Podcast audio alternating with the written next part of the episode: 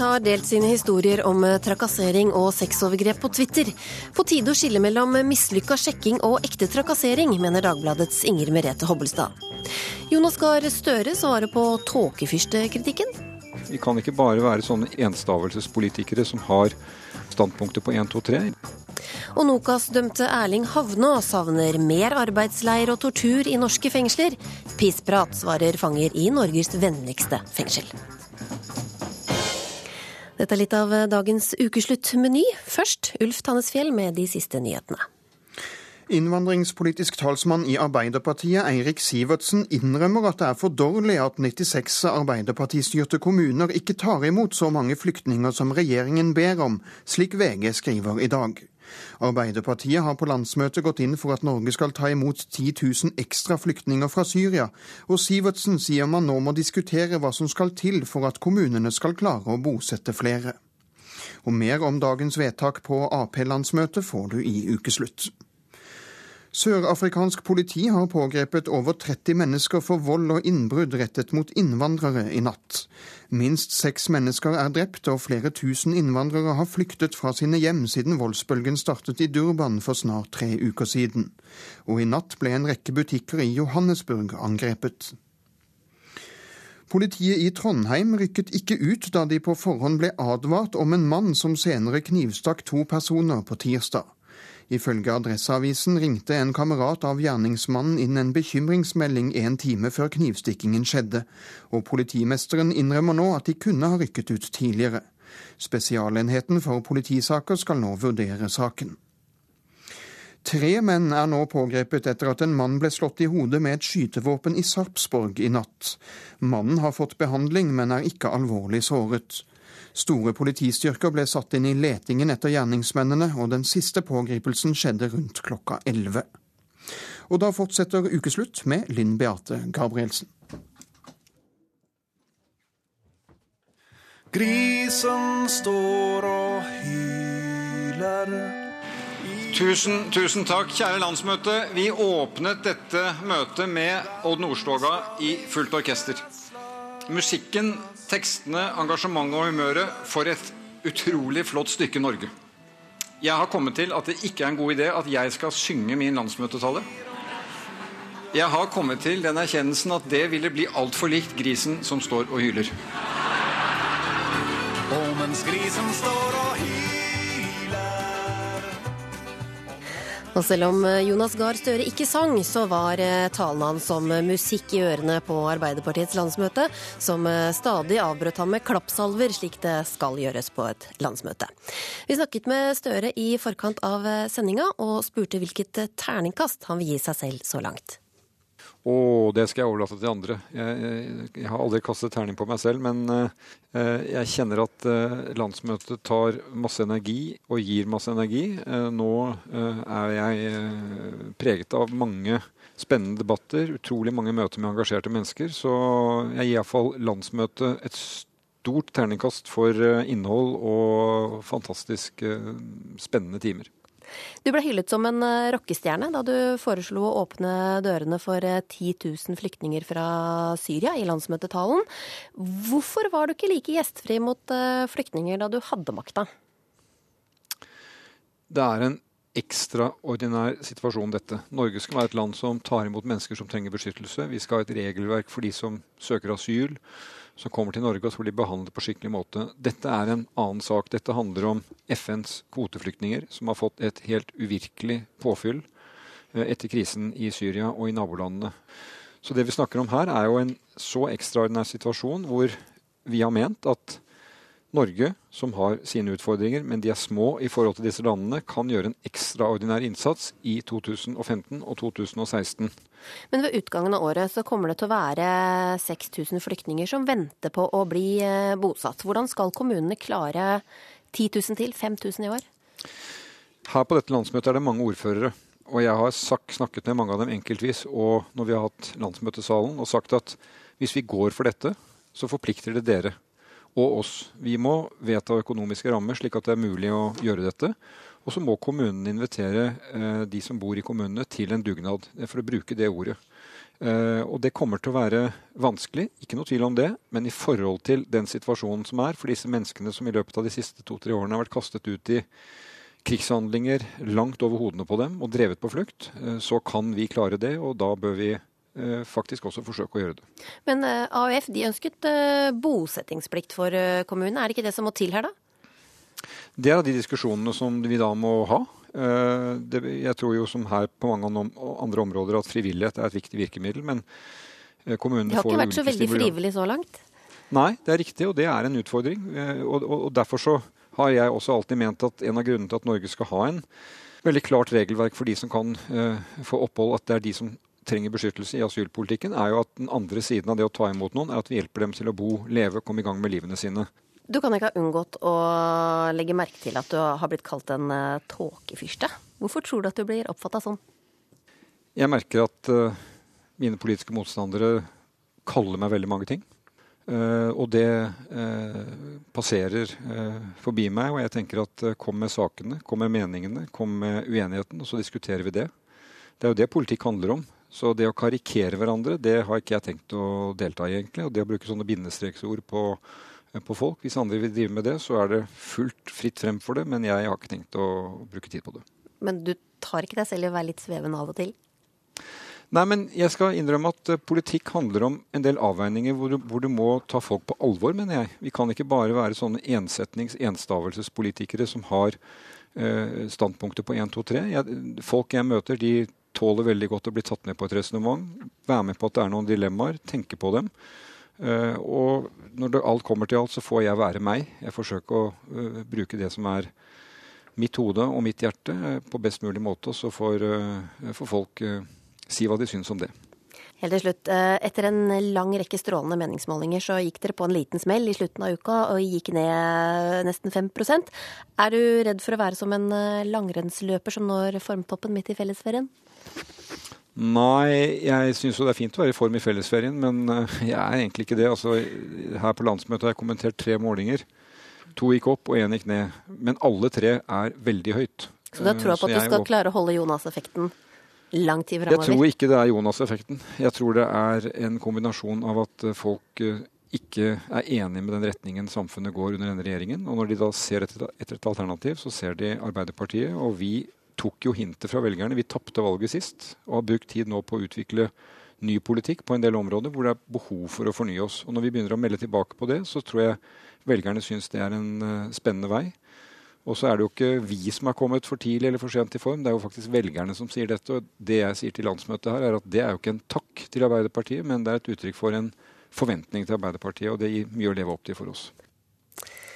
Politisk redaktør i Dagbladet, Marie Simonsen. Har eh, tåkefyrsten kommet seg ut av tåka nå? Ja, han har vel eh, trukket, eh, trukket hodet litt ut av tåka. Men, men som han sier selv, at formen kan han jo kanskje ikke gjøre noe med. Men på dette landsmøtet og, delvis i talene han holdt, så har han jo vært klar og tydelig på en rekke områder. Og, og dels skapt overraskende ny politikk. Aslak eh, Borgersrud, du, du skriver om eh, landsmøtene for eh, Dagsavisen under tittelen 'En slask på landsmøtet'.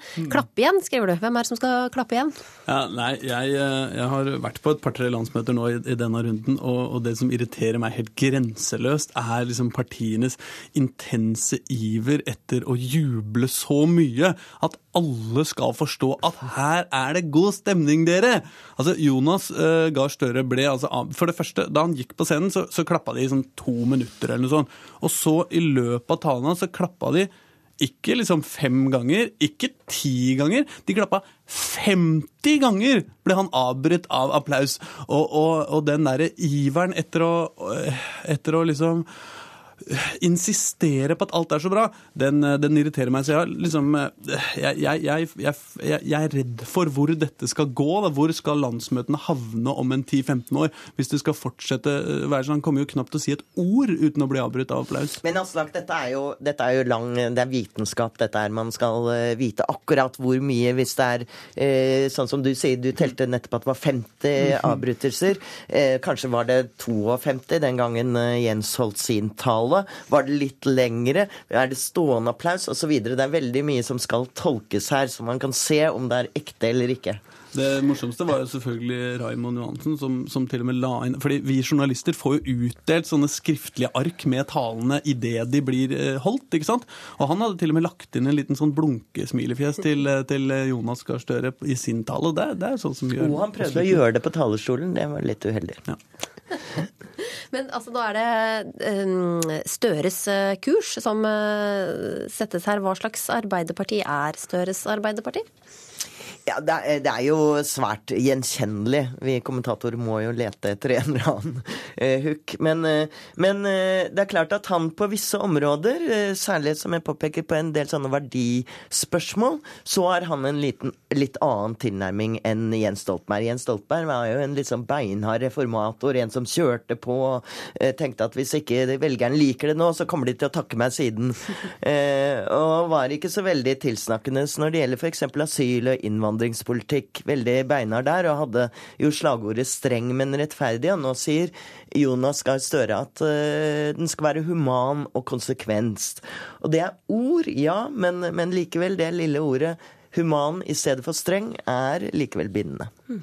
Hva tenker du, Borgersrud, hva kan Arbeiderpartiet oppnå med disse endringene de gjør? Jo, jeg, altså, jeg syns det er ganske spennende da, når, når Arbeiderpartiet plutselig går altså, Det har vært, på en måte vært forventa i de siste ukene, men at Arbeiderpartiet går fra å være eh, så insisterende på alltid å være det strenge partiet, liksom, hvor man kan diskutere om de er strengere enn Frp på, på innvandringspolitikk, men de er i hvert fall helt uti der, da, eh, til å plutselig liksom gi et sånt tall som er et sånt symbolsk tall som alle Wow, jøss, yes, Arbeiderpartiet er hipp på å få nye folk inn til Norge, og hipp på å bidra i krig krisa i Syria, liksom. Og, og det er klart, eh, jeg syns jo det er ganske interessant. Og det er eh, spørsmålet om de kommer til å Hvordan kommer det til å gå med, med, med, med rasistvelgerne deres? Og dette var åpenbart uh, en ting som har gjort veldig vondt. Apropos din eh, applaus. Det var ektefølt applaus, og der var det faktisk flere som hadde tårer i øynene.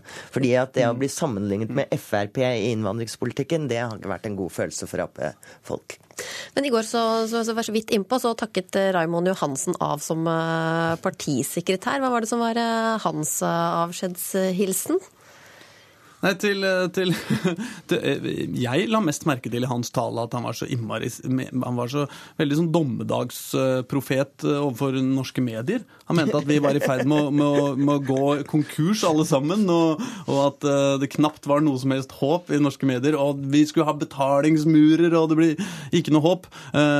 Så, så konklusjonen hans var at Arbeiderpartiet skulle, skulle, være mer på Facebook, og vi kan jo sitte her og sutre over det. Er, det, er, det er jo litt skremmende, kanskje, at ordførerkandidaten til til, eller byrådslederkandidaten til Arbeiderpartiet ikke har fått med seg hva moderne medier er.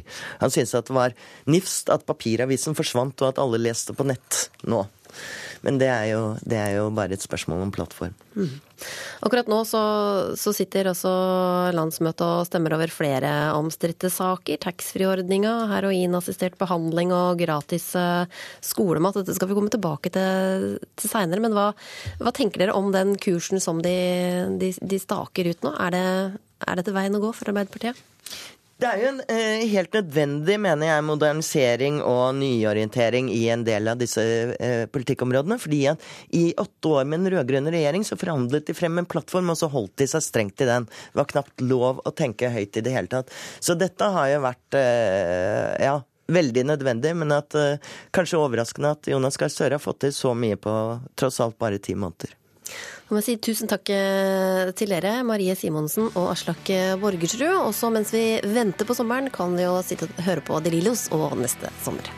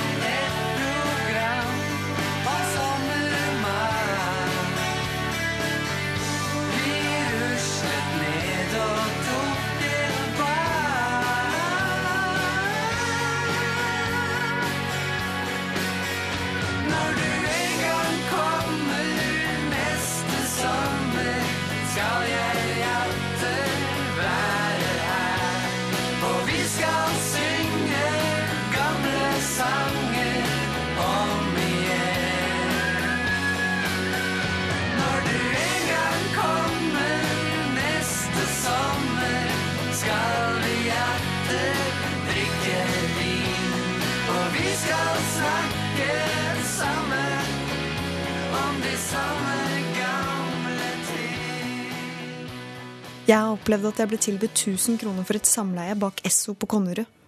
Jeg var tolv år for øvrig. Jeg har opplevd at en mann som sto bak meg på en stappfull buss, gnei ereksjonen sin mot meg. Jeg hadde barna med meg. Ufattelig ubehagelig. Jeg har opplevd at en mann på 40 kom opp i sengen der jeg sov. Han voldtok meg. Jeg var 15 år. Jeg skammer meg fortsatt for at det skjedde med meg. Jeg har opplevd å være 25 år, ny i arbeidslivet, møter en tilfeldig full kunde lørdag kveld på fjellet. Kontrakten var min hvis jeg ble med på hytta. Løp rett hjem. Jeg har opplevd at en fyr grep tak i meg nedentil under en konsert. Min reaksjon var å klappe til fyren. Han tok så kvelertak på meg. Jeg har opplevd å bli kalt en jævla forbanna fitte da jeg fortalte min daværende sjef at jeg var gravid. De siste dagene har over eh, 13 000 kvinner og menn delt historier om eh, seksuell trakassering under emneknaggen eller hashtaggen 'Jeg har opplevd' på Twitter og Facebook. Det skjer i eh, etterkant av et eh, avisinnlegg hvor eh, Katrin Svanevik Frøyen skrev om eh, sine opplevelser, eh, og hvor hun også sa at kvinner ikke går trygt om natta. Charlotte Myrbråten, du er eh, debattredaktør i Fett og startet denne hashtaggen. Hvorfor eh, gjorde dere det? Du, at eh, Det hele begynte med at jeg liksom havna inn på noen sånn Facebook-tråder som diskuterte eh, noen innlegg i Aftenposten hvor eh, noen kvinner snakka om sine erfaringer med trakasseringer.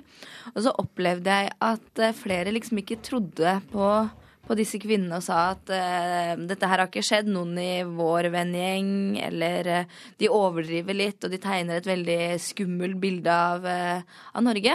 Så hadde jeg lyst til å ordne denne hashtaggen da, for at disse kvinnene som snakka om sin trakasseringshistorie, opplevde å ikke bli trodd.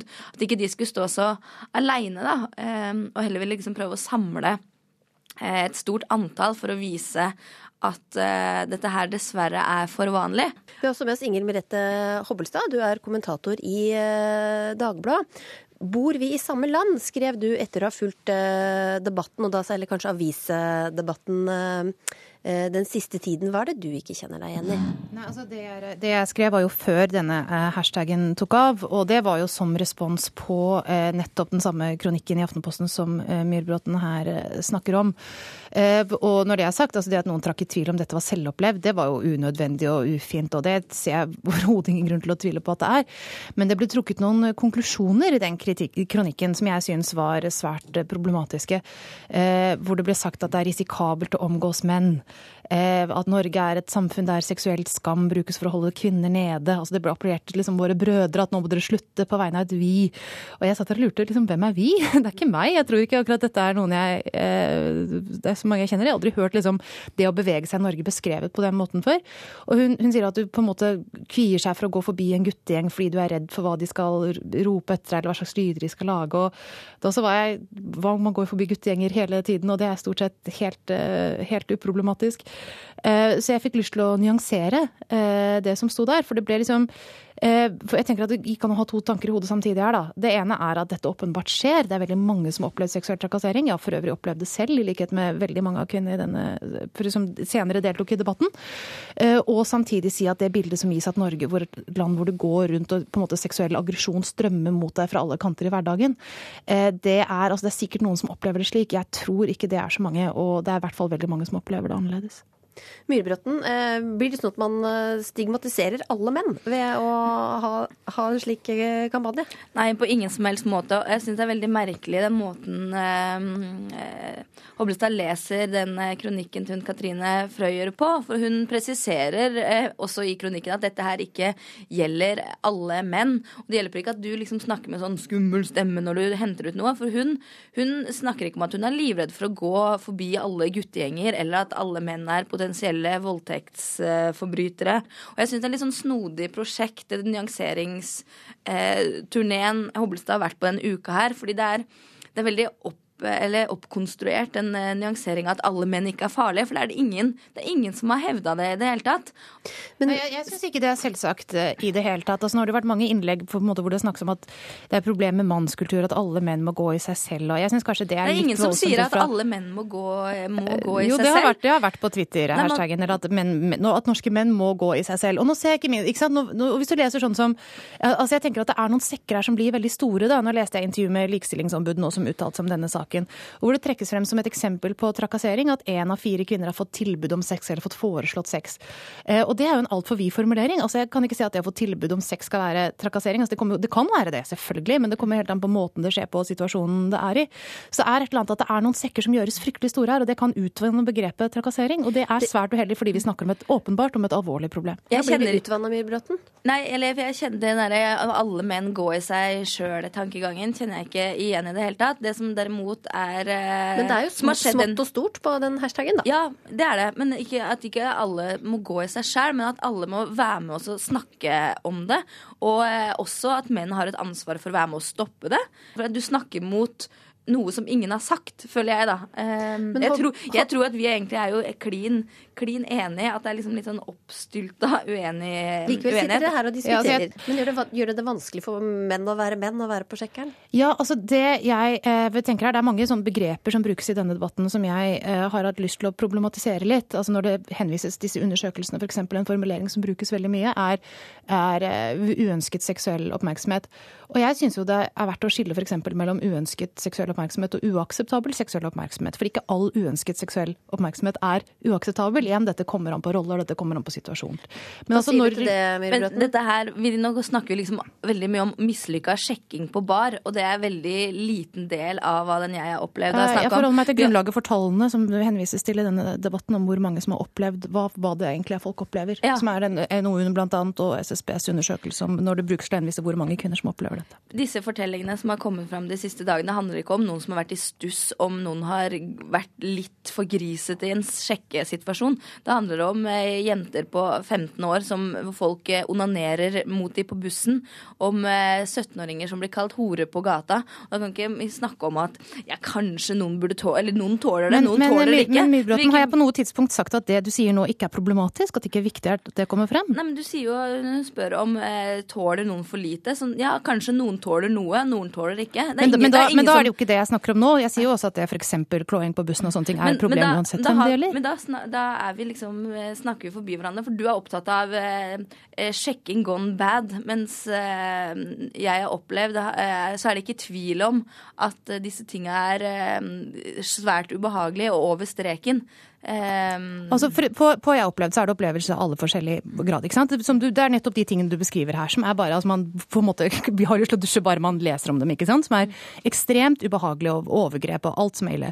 Og så har du folk som sier at de er blitt kalt jævla rødstrømpe i en diskusjon. Du har folk som sier at Det folk er- etter dem når de løper.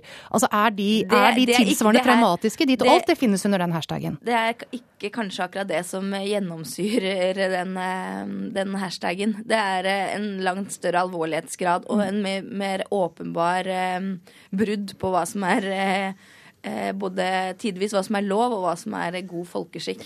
Da må vi sette strek for eh, den debatten. Takk skal dere ha, Inger Merete Hobbelstad og Charlotte Myrbråten. Nå skal vi møte en eh, mann som har fått en aha-opplevelse, og som vil ta et oppgjør med menn som latterliggjør historiene kvinner forteller. I'm sorry, Miss Jackson.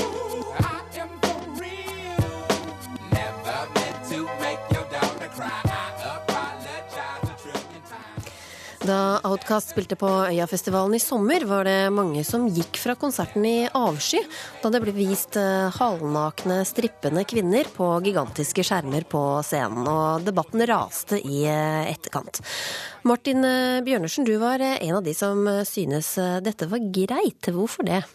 Og grunnen til at jeg gikk inn i den debatten, var at man fastslo uten å argumentere for det, at dette var ubegrunnet eh, nakenhet og kun altså bruk av kvinnekropp eh, kun som et blikkfang. Eh, det jeg gikk inn i debatten med, var altså en slags nyansering av dette, og pekte på at dette faktisk var begrunnet bruk av kvinnekropp. Disse bildene ble brukt for å illustrere en strippeklubbestetikk som er tett forbundet med de musikalske røttene til Outcast. da.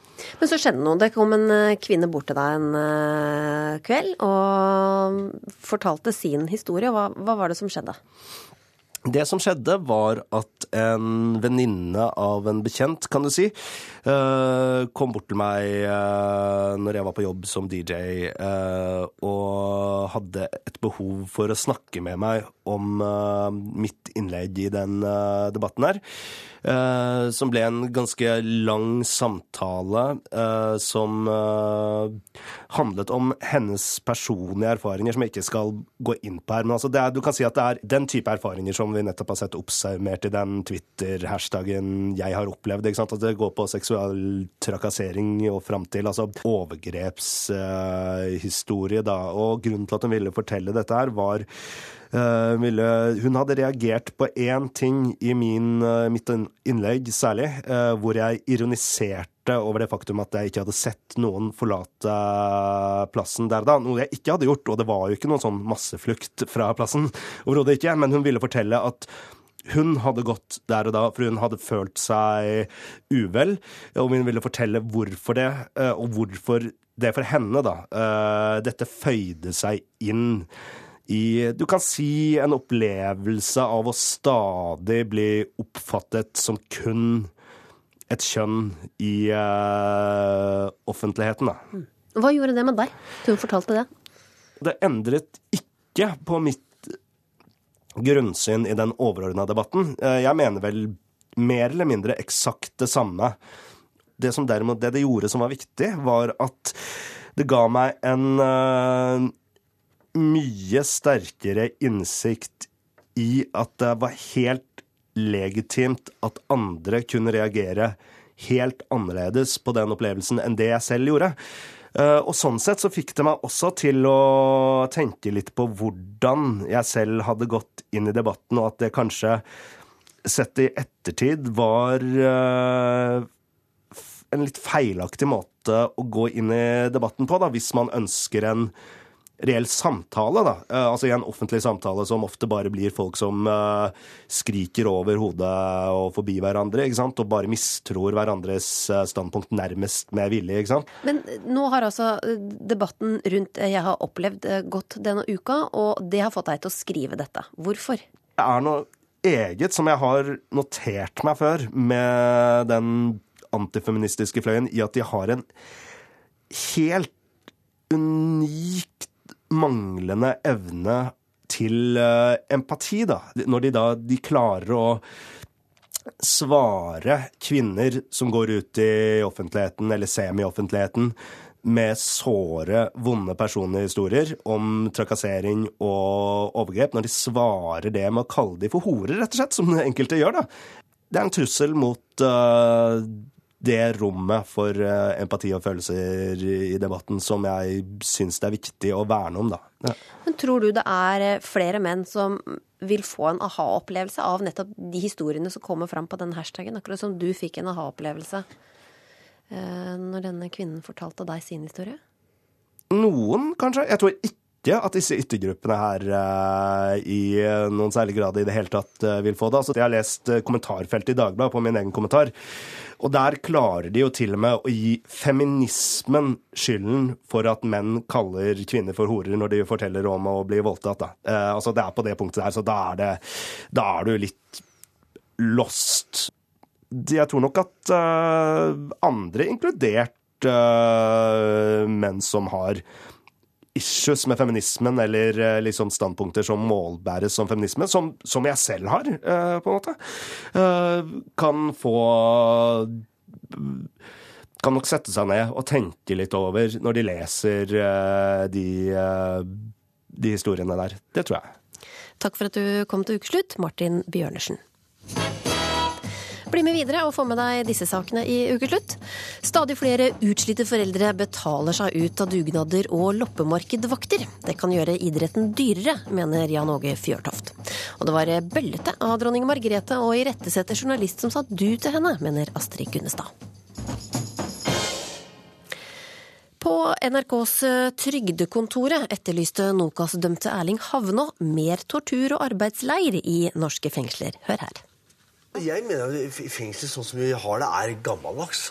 Jeg sier at vi skal se tilbake på hva vi gjorde før og begynne med tortur. Men eh, ja, altså, hvis du vil ha tortur isteden, så kunne du jo Hvorfor ikke? Og bli torturert et par timer om dagen i stedet Ja, å sitte på cella? Hvis jeg er full jobb, og så torturerer et par timer i uka, da. Så Nå er jeg frivillig, da.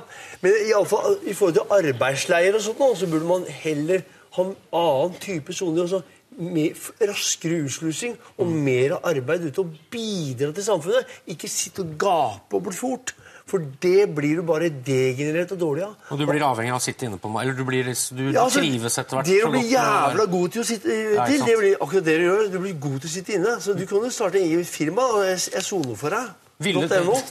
Jeg soner for deg.no. Ja, altså, eh, Og Halden fengsel de får eh, stadig besøk av utenlandske medier, som eh, forundres over hvordan det stulles og dulles med norske fanger. Vi sendte reporter eh, Thomas Alverstein Ove til Halden for å teste hvor koselig det faktisk er i fengselet. Hei, det er fra NRK. Ja, Stelle, kom inn. Takk. Etter sikkerhetskontroll og en del låste dører forsvinner sakte de tydelige tegnene på at vi har entret et norsk såkalt høyrisikofengsel.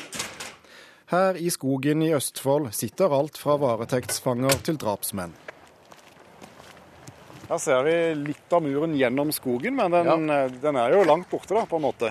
Han er langt borte. Den er, eh, det er jo noen soner her da som, som er Du ser det går et gjerde på innsiden der igjen. Ser du? Men ingen piggtråd? Ingen piggtråd. Og det området på høyresiden den skogen der, der er det, skal det lages noen terrengløyper og sånne ting. Og skulle det komme snø i Halden, så blir det skiløyper òg. Inspektør Lasse Andresen viser oss rundt i fengselet. Oppe i skogbrynet ligger boligkvarterene. Lenger nede finner vi idrettshallen og aktivitetshuset. Der har de innsatte et bredt tilbud av aktiviteter, jobb og undervisning. Alt fra bilmekking og keramikkurs til forskjellige fagbrev. Norsk fengselsvirkelighet er ikke like lett å forstå for alle. a popular spot for locals to experience a close knit community of murderers, rapists, and child molesters. Den amerikanske dokumentarfilmskaperen Michael Moore besøkte Bastøy fengsel for åtte år siden. Men klippene ble ikke med i filmen Sicko.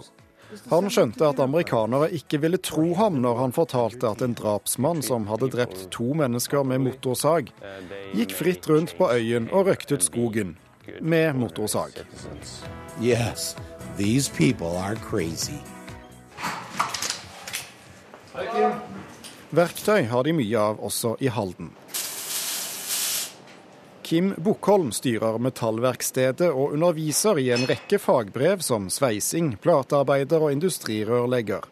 På veggene rundt oss henger masse verktøy, hamre, skrujern, filer, tenger og sag. Og så er det masse maskiner rundt. Men selv om elevene til Bukkholm sitter inne for alvorlige forbrytelser, er han ikke bekymret for sikkerheten. Nei, det er ikke noe problem. Det er ikke noe vi tenker over. Det er klart, det var jo fokus på det den eh, dagen vi starta her. sånn, og Jeg har jo aldri arbeidet i fengsels tidligere, så jeg tenkte jo litt over det. Men eh, som sagt, det har ikke vært noen hendelser i løpet av de fem årene vi har eh, drevet her, sånn, så det er ikke noe problem. Vi, det er eh, basert på tillit. Fengselet har flere kurs og tiltak som bidrar til å gjøre hverdagen tryggere for både de som soner og for ansatte. Etter lunsjen møter vi Rolf. Vi kaller ham i hvert fall det, for han ønsker ikke å bli gjenkjent. Han har slitt mye med rus og har fått flere kurs som hjelper ham til å takle utfordringene. Motivasjonskurs som sinnemestring, stressmestring, pappa i fengsel, foreldreveiledning. Eh, har med, jeg har vært med på noe som heter eh, retreat her, noe som er helt nytt i Norge. Hvor vi lever i, som munker i tre uker på en avdeling her i Halden fengsel. Og hvor det ikke er noe prating eh, med hverandre, og vi driver med veldig kristne rammer. da, på en måte. Kunst, vi har kunst, kunst og øh, håndverk der, som skolen har. Og så har vi da en sånn kunst- og håndverksavdeling som vi har sjøl. Og der driver de og maler og lærer seg det meste. Og egen radiokanal. radio.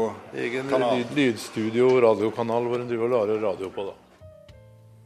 Radio Inside, jeg heter Eio, aka Norges farligste, og står her sammen med Skipperen. God dag. Radioprogramleder Reio sitter inne for drap.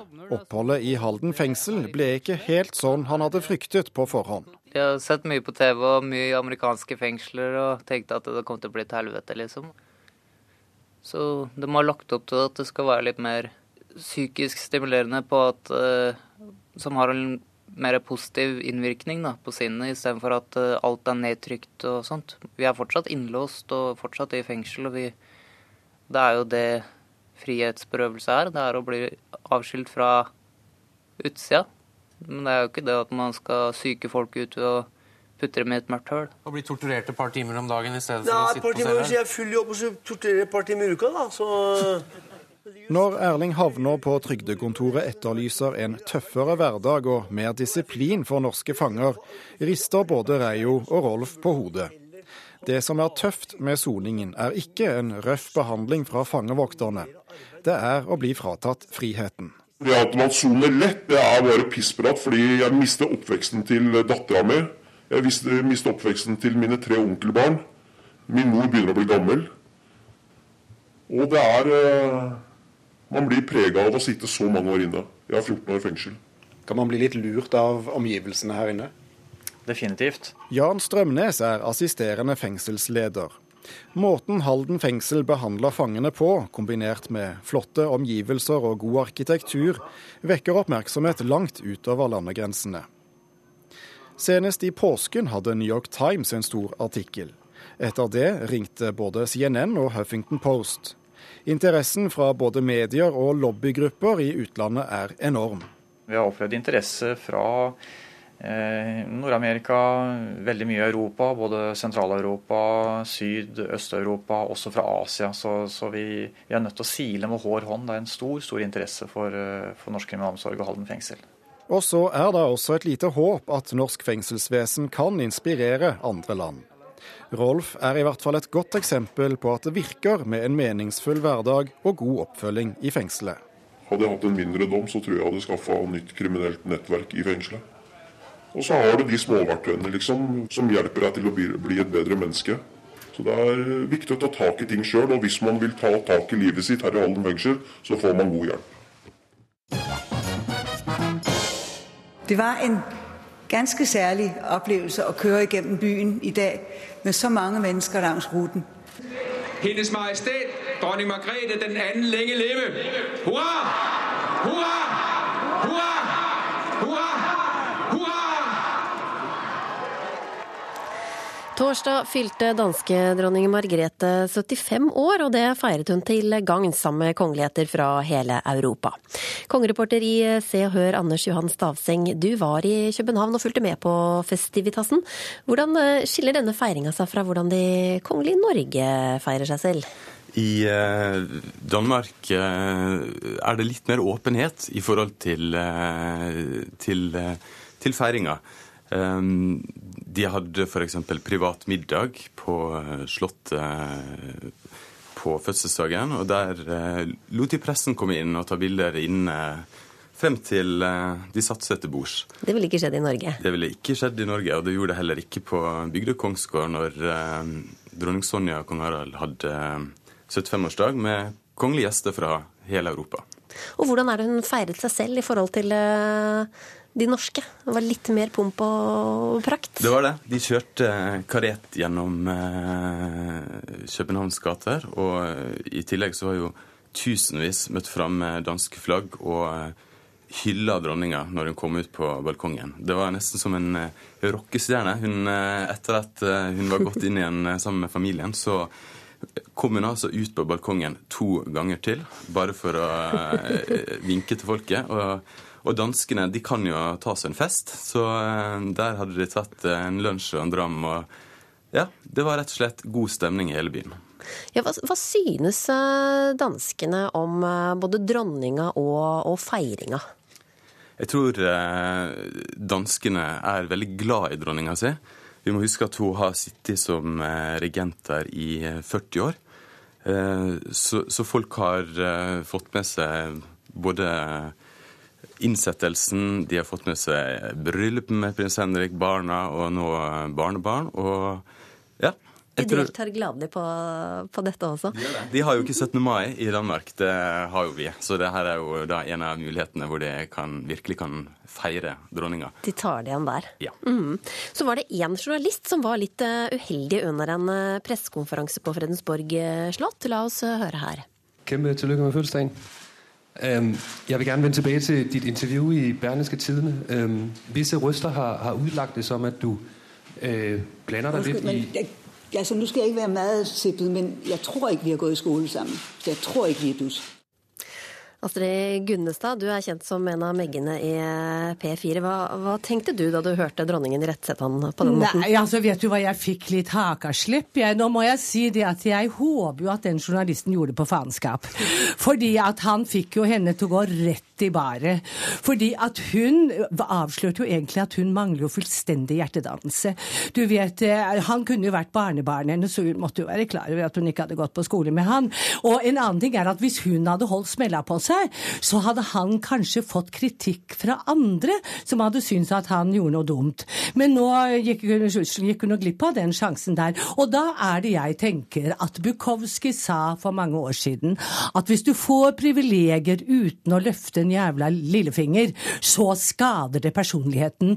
Og hun viser det så tydelig her. Og hun har gjort det en gang tidligere også, da det ble forbudt å røke om bord i fly. Og hun røker jo som bare det. For øvrig flekket hun noe gyselig smil mot han der stakkars journalisten, da, med noen gule te- tobakkstenner.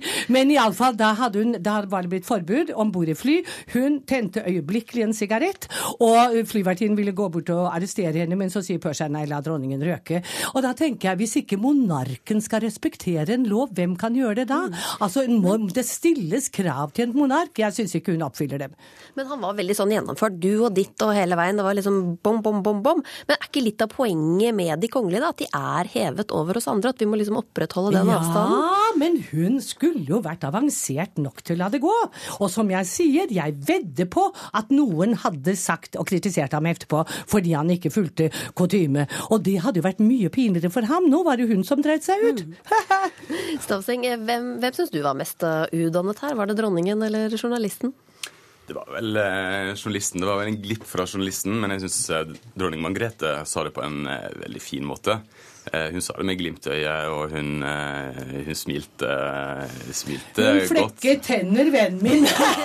og du vet når du sier at det var stappfullt av mennesker, og det var det jo riktignok, men du vet det er skoleklasser og barnehager og gamlehjem og alt mulig, og jeg så faktisk ikke en, og jeg så virkelig speidet efter en med litt mørk hud og sånn innvandrerbakgrunn, så ikke noen. Jeg så du noen i den folkemessen som kom fra noe annet. En annen ting er at det virker ikke som det er en eneste republikaner i hele Danmark, men nå har Ekstrabladet vært ute og kritisert politikerne fordi de ikke tar opp diskusjonen med, med monarki og ikke-monarki. Vi har en her. Men Stavseng, eh, du er ikke selv redd for å dumme deg ut da, foran de kongelige når du følger dem rundt omkring? Vi prøver å være ganske høflige, og i Norge er det jo, har vi jo tradisjon for å tiltale det i, i tredje person. Eh, Vi sier eh, dronningen, vi sier kronprinsessen til eh, Mette-Marit.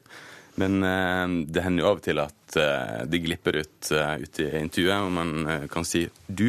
Men eh, Har du, har, har du et du fra jeg tror jeg har unnsluppet eh, mange du med de fleste. Og jeg Og hvordan tror reagerer eh, de våre tar det helt fint. De tar det helt fint. Så det er ikke, ikke noe problem. Der ser du. Der ser. Ja, er, det, er det en forskjell på de norske og de danske når det gjelder den Altså, Norske journalister er innmari fjeskete, og det er søren meg de danske også. Jeg hørte en kommentator der nede, som en dame i noe grønt, og hun, hun roser dronningen for hun snakket så bra. Og unnskyld meg hvis ikke dama engang kunne dansk. Og en annen ting er at talene er vel skrevet av noen andre som alle, alle får andre til å skrive talene sine for tiden. Så hvis de ikke finner noe mer å rose denne for, så er jeg ganske forbløffet. Da sier jeg tusen takk eh, til dere, Astrid Gunnestad og Anders eh, Johan eh, Stavseng. Nå skal vi høre Firestone med Kygo og Konrad.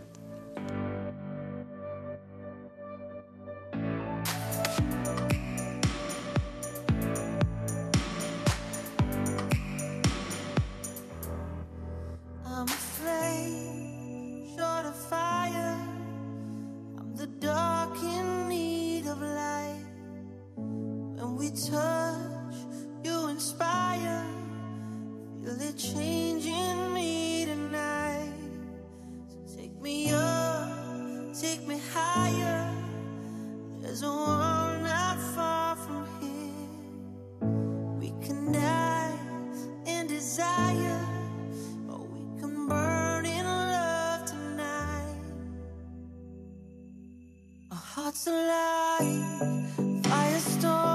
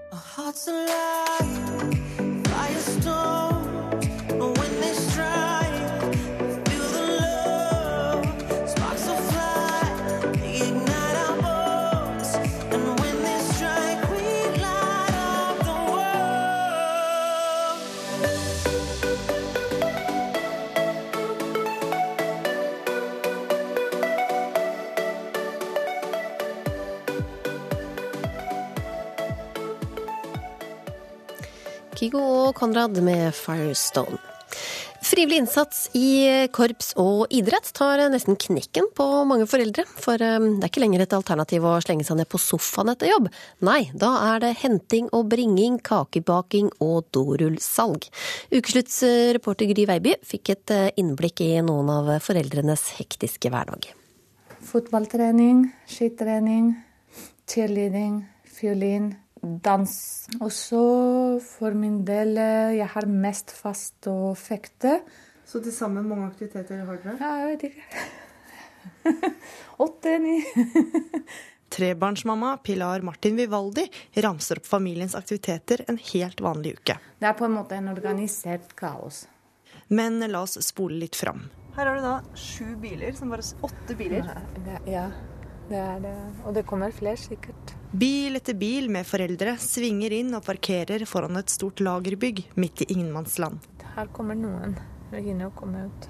Jeg og Pilar sitter i en av dem og venter på at datteren skal bli ferdig på trening. Jeg slapper veldig av når jeg henter og må vente i fem minutter. Da sitter jeg her i bilen og lytter på musikk. Og... Den er nok ikke så gammel, men Samtidig, på en annen kant av byen. Antikvitetsgeneral for loppemarkedet på Ullevål skole, Ida Large, står bøyd over et speil halvveis inne i en container. Alt som er over 100 år gammelt, eller sånn over 70-80 år gammelt, det er eh, attraktivt å ha på auksjonen. Nesten alt sammen. Som korpsmamma er hun midt inne i en av sesongens mest hektiske uker. Nå rakk ikke vi å spise middag i dag, så nå har vi med middag på sånn termosbokser. Eh, og skal spise tomatsuppe med, med nudler og egg og skinke, skinkebiter. Eh, og, så, og da skal vi være her halv seks. Og er jeg hjemme da henter i barnehagen eh, og, og er hjemme sånn halv fem, og så kommer min mann da hjem fra jobben kvart over fem, og så drar jeg da og Alma, min datter, halv seks. Så er det her til halv ni-ni, altså til vi er ferdig. Og da skulle jo hun vært lagt for en halvtime siden, så Men eh, loppemarkedet er en sånn unntakstilstand. Pilar og Ida er bare to av foreldrene som bruker kvelder og helger på henting og levering, baking og strikking, loddsalg og dorullsalg. Alt for at ungen skal få holde på med aktiviteter etter skolen. Men det kan jo bli litt i overkant mye for enhver. Jeg ringer direktørpappaen, som var brutalt ærlig i en Facebook-oppdatering etter en lang kjøre- og hentedag. Eh, På kaka skrev jeg 'drit og dra'. Tobarnspappa Rikard Kongstein på telefon fra Roma. Dette var eh, den høstens åttende dugnadskake eh, som jeg kom på. Jeg kom på at jeg måtte bake den sånn ca. kvart på tolv på, på, på natta. Og, og i, i, i, i et lite anfall av frustrasjon så, så skrev, skrev jeg det med mailis. Det førte til oppslag og debatt om det Kongstein mener er foreldre som legger for hardt press på seg selv. til tider er det jo ikke mulig å ha fulltidsjobb for, to fulltidsarbeidende foreldre som med, med eh, hva skal vi si, middels engasjerte barn, så er det jo nesten ikke mulig. Eh, man, det er jo eh, stadig at man er nødt til å gå fra jobben klokka to, fordi du må hjem og bake lussekatter til eh, et eller annet arrangement som skal være klokka fire da på skolen. Og Kongstein får støtte av forskningen. Den gruppen i befolkningen som gjør mest frivillig arbeid, er eh, foreldre med barn i skolealder. Det sier samfunnsforsker Carl Henrik Sivesin. Og det er jo litt paradoksalt, fordi de skal samtidig eh, følge opp eh, skolearbeid og delta i møter eh, og dugnader på skolen. Og, og de skal gjøre karriere eh, i jobben, og eh, samtidig som de kanskje begynner å få eh, foreldre eller slektninger som, eh, som trenger litt ekstra hjelp. Slik at det er en, et veldig hardt, hardt press på denne gruppens tid. Flere idrettslag har nå begynt å tilby foreldre å betale seg ut av ting som dugnad. Innenfor kultur- og fritidsfeltet så eh, hører vi stadig om flere eksempler på organisasjoner som tilbyr eh, betaling i stedet for eh, frivillig arbeid. En utvikling som man kan forstå når folks tid blir, blir mer verdifull eh, i kroner og øre, og de blir kanskje bedt om å være med på dugnader som kaster veldig lite av seg. Og da eh, spør man seg er, det, er dette eh, god bruk av min tid. Det er en utvikling tidligere fotballproff Jan Åge Fjørtoft ikke liker. Ja, Det kan gjøre at idretten på sikt blir mye dyrere å være en del av. Fjørtoft sitter i det nylig regjeringsoppnevnte utvalget som bl.a. skal se på frivilligheten i idrett. Som pappa holdt han selv på å la seg friste til å betale seg ut av dugnad. Jeg fikk beskjed om at jeg skulle sitte halv ni til halv tolv som tilsynsvakt på en fredag. Og som alle andre som, så var jeg veldig opptatt av taco og, og gullrekka hos NRK. Så da hadde jeg mulighet til å kjøpe ut av det. Jeg gikk heldigvis ikke i den fella og fant ut at nå må jeg ikke møte meg selv i døra, men har sikkert akkurat samme utfordringer som alle andre. Her, ja. Her er det et fint bilde med gullramme. Tilbake til mammaene på hver sin kant av byen. Etter å ha gått gjennom enda flere lopper, har Ida funnet gull. Så det går på, på auksjonen, tipper vi. Så jobben min nå er å finne ut omtrent hva, de, hva det blir solgt for ellers, da. Hvis du hadde fått muligheten til å kunne betalt sånn si 1500 kroner da, for å Ja. slippe å bidra, hadde du gjort det? Nei, eh, ikke om det hadde vært eh, 500 eller 1000 heller, tror jeg. Fordi jeg tenker at uh, man må ha som innstilling at uh, skal vi ha loppemarked, så må vi bidra. Rett og slett. Uh, og så syns jeg, jeg synes det er litt gøy, ja. Det vekker kremmersjelen igjen. og Ja, det er liksom eh, Det er som jeg sa, en sånn lokal happening. Sånn. Ta på beltet, alle. Ja, nå begynner vi å kjøre. Sånn. Man må se det positive. Hvis man bare tenker at alle er det slitsomt og at man orker ikke, da ikke gjør det. det. det. Tenk litt positivt. Men det er noen ganger at man klikker helt og sier jeg orker ikke mer. Jeg, jeg sier opp. Da skal vi fra slitne foreldre til eh, tøffe tak på Aps eh, landsmøte. For det har vært knyttet stor spenning til hva Arbeiderpartiet vil ende med å mene i flere saker det strides om internt. Skal vi fortsatt få handle på taxfree, få gratis skolemat og kunne gi heroin som behandling til eh, tunge rusmisbrukere? Magnus Takvam, kommentator her i NRK. Du er med oss fra Folkets hus. Har det kommet en avklaring i disse sakene nå?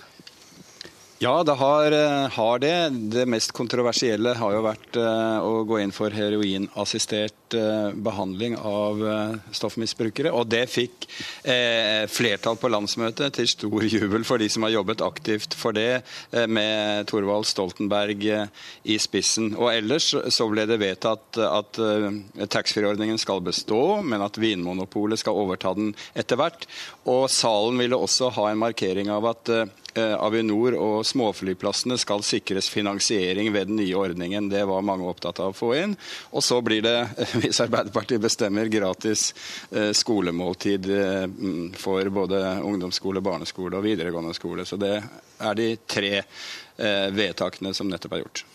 Men de ville ikke finansiere det ved hjelp av barnetrygden, var det for upopulært? Ja, og det, det, trakk man tilbake. Det er fordelingspolitisk uakseptabelt, mente de fleste. Å ta og spise av barnetrygden for å gi ungene skolemat. Men hva er argumentene til de som har kjempet for og mot heroinassistert behandling? Altså, Argumentene for er jo at uh, dette gjelder den gruppen der ingenting annet virker, heller ikke LAR, altså med metadon osv., og, så og at det er 260 dødsfall i året pga. rus. Uh, og det skal være en regulert eh, behandling der lege, den enkelte lege skal ta stilling til om, om vedkommende trenger det. Så det er trygge former osv. Mens da motstanderne mener det går en etisk grense når det gjelder å dele ut narkotisk stoff til pasienter. Tusen takk skal du ha, Magnus Takvam. Og det var ukeslutt. Ansvarlig for sendinga Lilly Fritzmann. Teknisk ansvarlig Hans Ole Hummelvold. Og i studio Linn Beate Gabrielsen.